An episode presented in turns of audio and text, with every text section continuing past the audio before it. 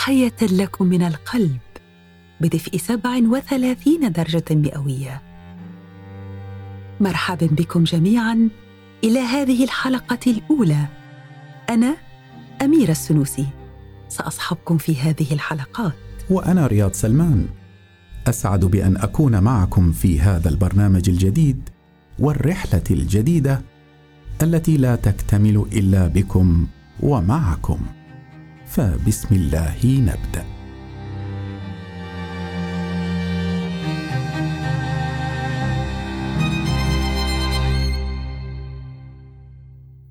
سبع وثلاثون مئوية. يدور في مدار الطب وسيرة الطب لياليه وأيامه همومه وأحلامه.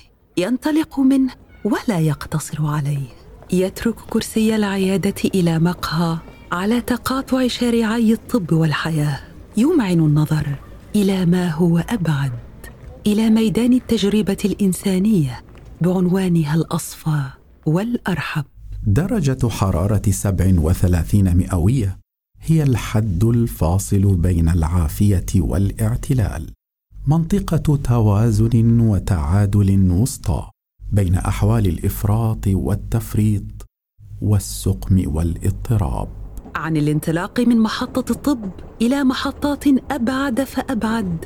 نتحدث في حلقتنا الأولى هذه عن رحلة بطل هذه السيرة إلى الطب ثم هجرة معاكسة منه إلى ميادين أخرى.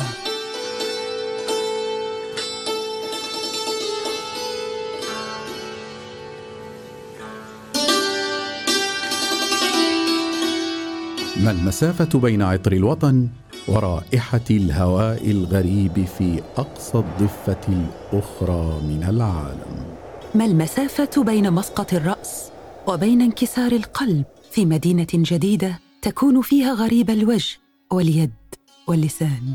ما المسافة بين صمت البدايات وسكون الشمعة الخافتة التي تصارع الانطفاء وبين صخب الشهرة وأضواء السيرة الباهرة؟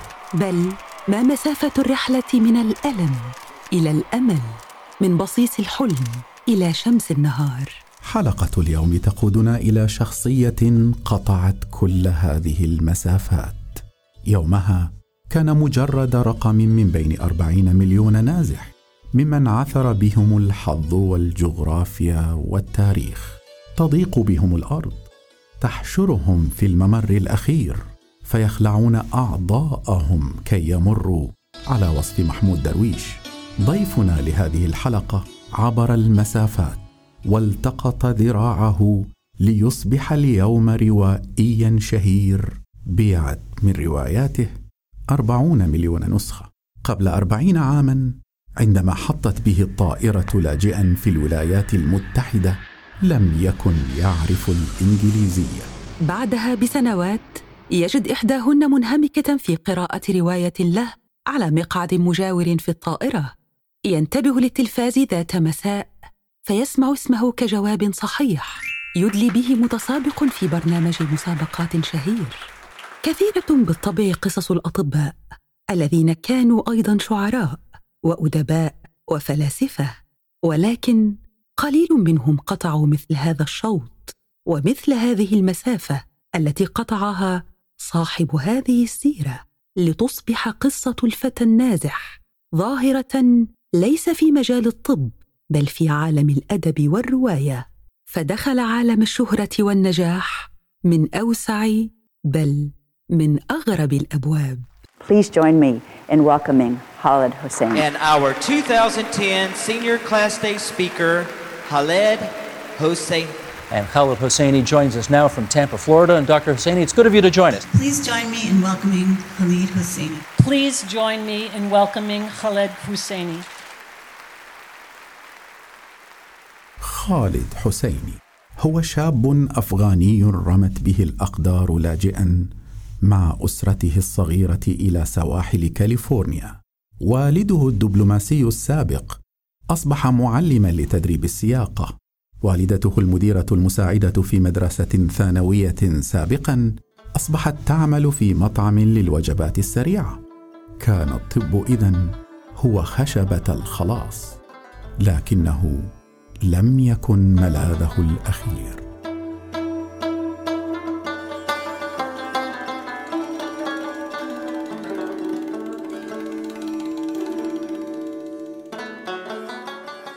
في مسجر ذاكرته المتقدة جمار لم تخبو رغم سنوات الصمت. هكذا عادت كابل في روايات خالد حسيني كسبع وثلاثين درجة دافئة وألف شمس ساطعة في حكاياته من جديد يستيقظ في روحه الوطن الذي عرفه صبيا. وينهمر سيلا من الحكايات ليجد عالم الروايه نفسه امام حكاء مدهش بديع Hi, my name is Khaled Hosseini. Um, I was born in 1965 in Kabul and was fortunate to live through the final few years of what's now, uh, مرحبا you know, a forgotten اسمي خالد in حسيني. من مواليد كابول سنة 1965 كنت محظوظا بما يكفي لأعيش السنوات الأخيرة من تلك الحقبة في ستينيات وسبعينيات القرن المنصرم. عندما كانت أفغانستان تحيا في سلام داخلي ووئام مع دول الجوار. لحسن الحظ فإن جميع ذكريات طفولتي في أفغانستان سعيدة. انتقلت بعدها مع العائلة إلى باريس. حيث مقر عمل والدي دبلوماسيا هناك. في عام 1979 انقلبت الأمور راسا على عقب في أفغانستان وكذلك حياتي وحياة العائلة. قدمنا كلاجئين إلى أمريكا درست الطب وعملت كطبيب. بدأت أكتب ونجحت كروائي إلى أن قيض لي أن أرى كابول مرة أخرى. ولكن كيف يصف خالد شعوره عندما عاد إلى كابول بعد كل هذه السنوات كيف عادت ذكريات كابول لتلهم كتاباته very distinctly the first time I went to Afghanistan, and I almost felt like a split right down the middle of myself. In that, in one on this side, I felt like, my God, I've come home.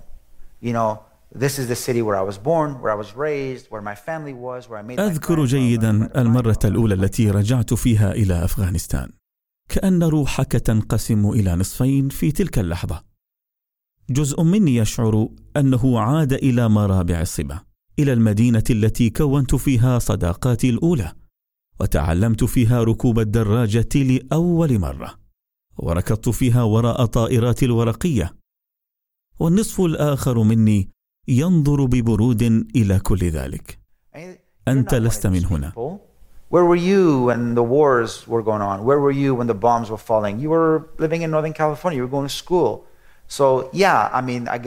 أين كنت أيام ويلات الحرب؟ أين كنت حين كانت السماء تمطر قذائف؟ كنت تعيش في ضواحي كاليفورنيا الهادئة، أليس كذلك؟ وتذهب وتعود من المدرسة في أمن وسلام. ما الذي تنتمي إليه هنا بالضبط؟ الحيز الجغرافي؟ المباني والطرقات وحدها لا تصنع وطن. شعرت أنني رجل بلا أرض ولا وطن. أصابني هذا الانفصام الوجودي بالدوار. أحسست بالذنب وشعرت بالعجز الشديد. هناك في كاليفورنيا أنت طبيب ناجح، لديك منزلك الواسع الأنيق، And you know, I saw people on the street, you know, walking around, hopping with with with a leg missing, and children that were begging on the streets. And I saw widows and orphans, and you know, it felt like to me like you know, it's not these people's fault that they are where they are, and it's not والناس هنا يمشون. بأطراف مقطوعة، أرامل وأيتام، يتسولون الحياة على الطرقات. ذنبهم الوحيد أنهم ولدوا وظلوا هنا، لم يبتسم لهم الحظ، لم يبتسم لهم يا نصيب القدر مثل ما ابتسم لي. هذا الشعور العميق بالذنب هو الذي يدفعني الآن لأفعل شيئا يحول هذا الشعور السلبي إلى شيء إيجابي مثمر. رواية خالد حسين الأولى عداء الطائرة الورقية تصدرت قائمة نيويورك تايمز للكتب الأكثر مبيعاً لمدة أربعة أسابيع ثم تحولت إلى فيلم هوليودي شهير وروايته الثانية ألف شمس ساطعة تعود لتتربع على عرش الكتب الأكثر مبيعاً لمدة 21 أسبوعاً ليطبع من الروايتين نحو 40 مليون نسخة بلغات يعرفها خالد وأخرى لا يعرفها. كيف أثرت خبرتك وتجربتك كطبيب في صياغة هذه الحكايات؟ In one way that it has helped me is that to be a doctor, you kind of have to be an amateur psychologist because you kind of have to learn to understand human behavior, especially in primary care. Uh, you know, being a surgeon is different. You go in, take out the gallbladder. أن تكون طبيبا يعني أن تكون أيضا أخصائيا نفسيا بدرجة ما. وهذا هو المعروف الذي أسداه للطب في كتاباتي. لكي تكون طبيبا يتحتم عليك فهم السلوك البشري خصوصا في مجال طب الرعاية الأولية وهو مجال تخصصي الأمر مختلف عندما تكون جراحا مثلا أما في طب الرعاية الأولية سيأتي لك المرضى بمشكلة أقل وضوحا بها الكثير من الرواسب والتعقيدات الاجتماعية. قد يشكو أحدهم من الصداع ولكن السبب الحقيقي لهذا الصداع قد يكون الخشية من وفاة زوجته أو مرض طفله. هنا عليك أن تخلع معطف الطبيب لترتدي قبعة المتحري لتبحث عن جذور المشكلة. Find out why you know what's interesting behind this particular ككاتب أنت تقوم بأمر مشابه. ستجد شخوص كتاباتك تتصرف بطريقة معينة وستكون مهمتك أن تبحث مع القراء عن السبب عن المثير للاهتمام حقا وراء هذه التصرفات. بهذه الطريقة ساعدني الطب وما عدا ذلك كان يتحتم علي أن أقسم حياتي إلى قسمين. الكاتب والطبيب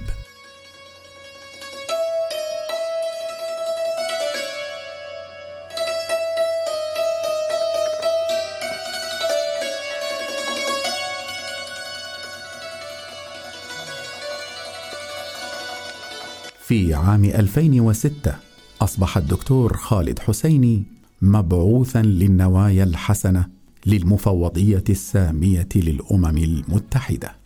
لقد قص خالد رؤياه على إخوته بعد أن كاد له القدر، فما فتئ يذكر كابل في قوالب إنسانية مختلفة، شكى بثه في صدى أرواح الملايين ممن مسهم الضر. فمكن الله له ليتبوأ في الأرض مكان اليد الممتده رحمة وشغفا للمتعثرين على أعتاب الحلم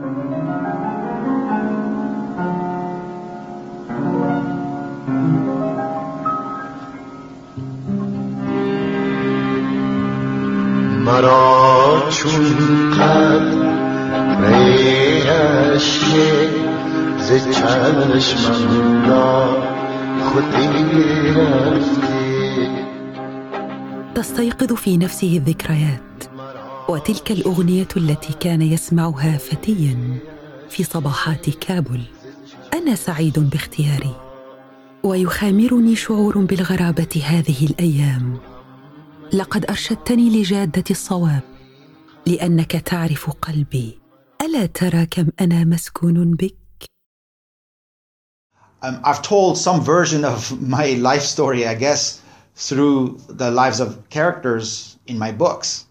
And maybe there's a writer or two uh, in the audience among you. And if so, uh, I would urge you to pick up a pen and, and write your story.